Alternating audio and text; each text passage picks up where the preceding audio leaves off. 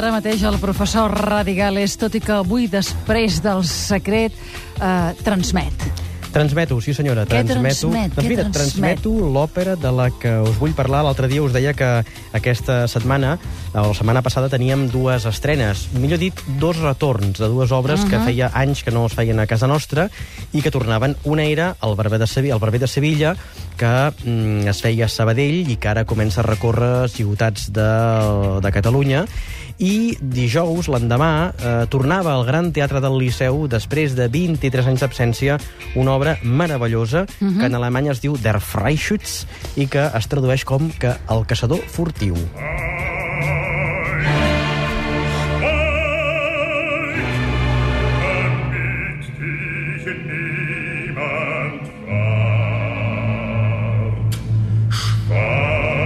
Schweig vol dir calla. Mm.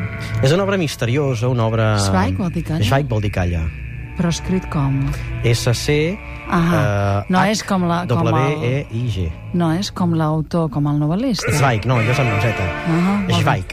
Bé, doncs és uh, una obra fantasmagòrica, tenebrosa, una obra de, de fantasmes, d'invocacions al diable, uh, d'un compositor que es deia Carl Maria von Weber, un compositor sí. que va viure entre 1785 i 1826. Això què vol dir? Que és un compositor entre Mozart i Wagner, o sigui, és un compositor romàntic. Molt bé. I aquí aclarim un concepte. El Som-hi. romanticisme. Què Aviam. és el romanticisme en la música? Molta gent es pensa que el romanticisme és passejar amb el noviet o la novieta a la les vora de la floretes platja, del bosc, mirar les papallones, la primavera... Això Flu, flu. mm, no és romàntic, és eh, bueno, Tou. bonic, tou, cursi... És igual, ara no Depèn, empalagós, del depèn, moment, depèn, sí, depèn. sí.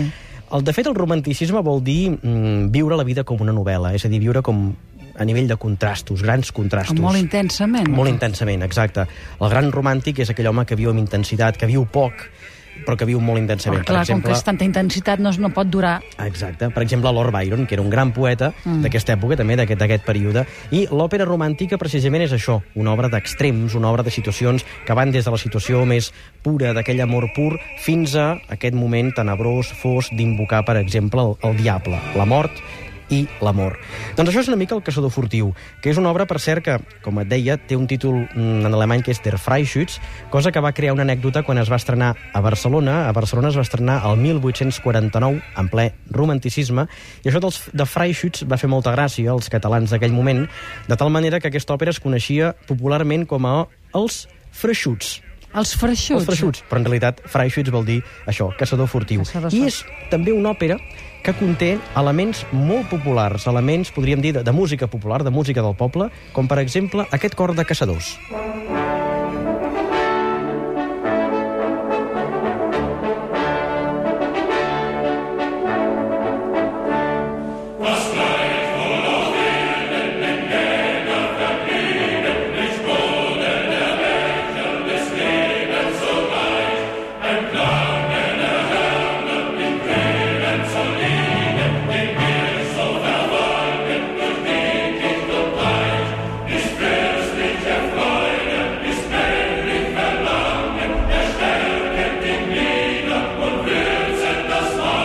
L'òpera t'agrada? Aquesta òpera t'agrada? Aquesta òpera, l'òpera, m'agrada sí, molt. la música. Musicalment sí, perquè és una obra de contrastos i té moments com aquest. Aquí, per exemple, t'imagines els nans de la Blancaneus. Mira, mira.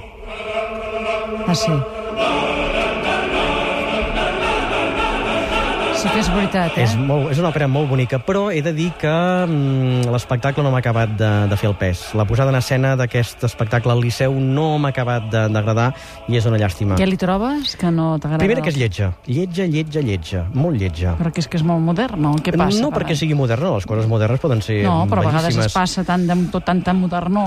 És, a veure, és lleig estèticament, però al mateix temps té un problema és que no m'explica massa res. És dir, ho vol canviar tot i de tant que canvia no s'entén massa què és el que vol dir. Ah. Quan al capdavall queda el mateix, la història que ja coneixem. No calia canviar tantes coses. Hi ha elements que no van enlloc, per exemple, un ascensor que puja i baixa, que suposadament és un ascensor que va a l'infern, però no té massa No té, massa no té força per No té baixar a l'infern, no? força. És que baixar a l'infern ha de ser una cosa molt potent. Llavors, Sí. o ho transmets, Exacte. o queda psa. Jo vaig baixar-hi un cop, no em va agradar gaire, per cert, i, i no vaig baixar amb ascensor, eh? Francament, allò no és així. Radigales, Què? no provoquis. No, no, no provoquis tu. Va, més coses de, de l'òpera. Mira, aquesta òpera s'escriu en base al que anomenem leitmotiv. Què és un leitmotiv? El leitmotiv és un recurs musical que serveix per identificar una situació amb un personatge. Per exemple, aquí tenim un fragment de eh, l'obertura, que és el fragment instrumental que es toca abans que comenci l'òpera.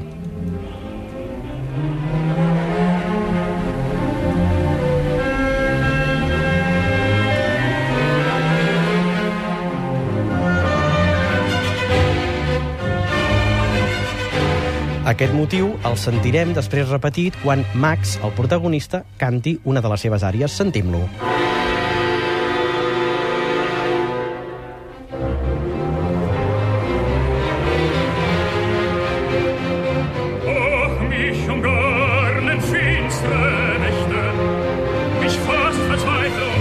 exactament el mateix. Per tant, l'obertura ja ens ha preparat, ens ha predisposat el que vindrà després. Això també és característic de l'òpera romàntica. I què hi passa en aquesta òpera? Doncs passa que aquest personatge que sentim, que es diu Max, vol casar-se amb una noia que es diu Agate i el que ha de fer és guanyar un concurs de tir amb una escopeta i aleshores n'hi ha un Si- que és si dolent, guanya, dolent, ella s'hi casa. Exacte.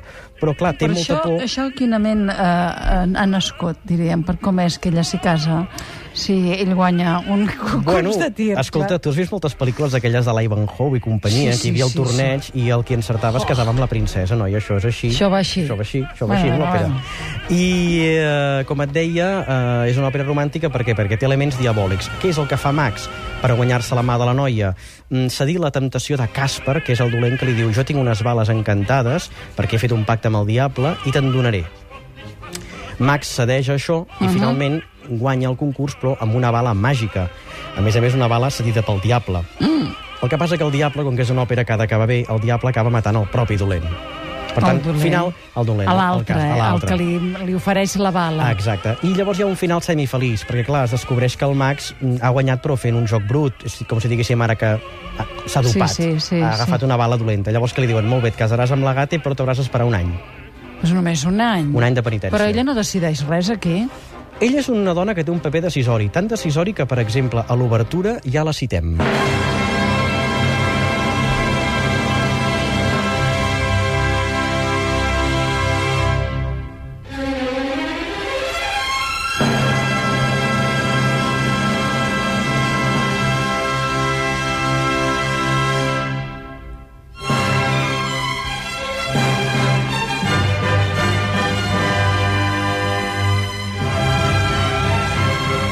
Aquest fragment és de l'obertura, per tant, el personatge d'Agate ja està present musicalment a l'obertura. Té importància perquè després això mateix ella ho canta.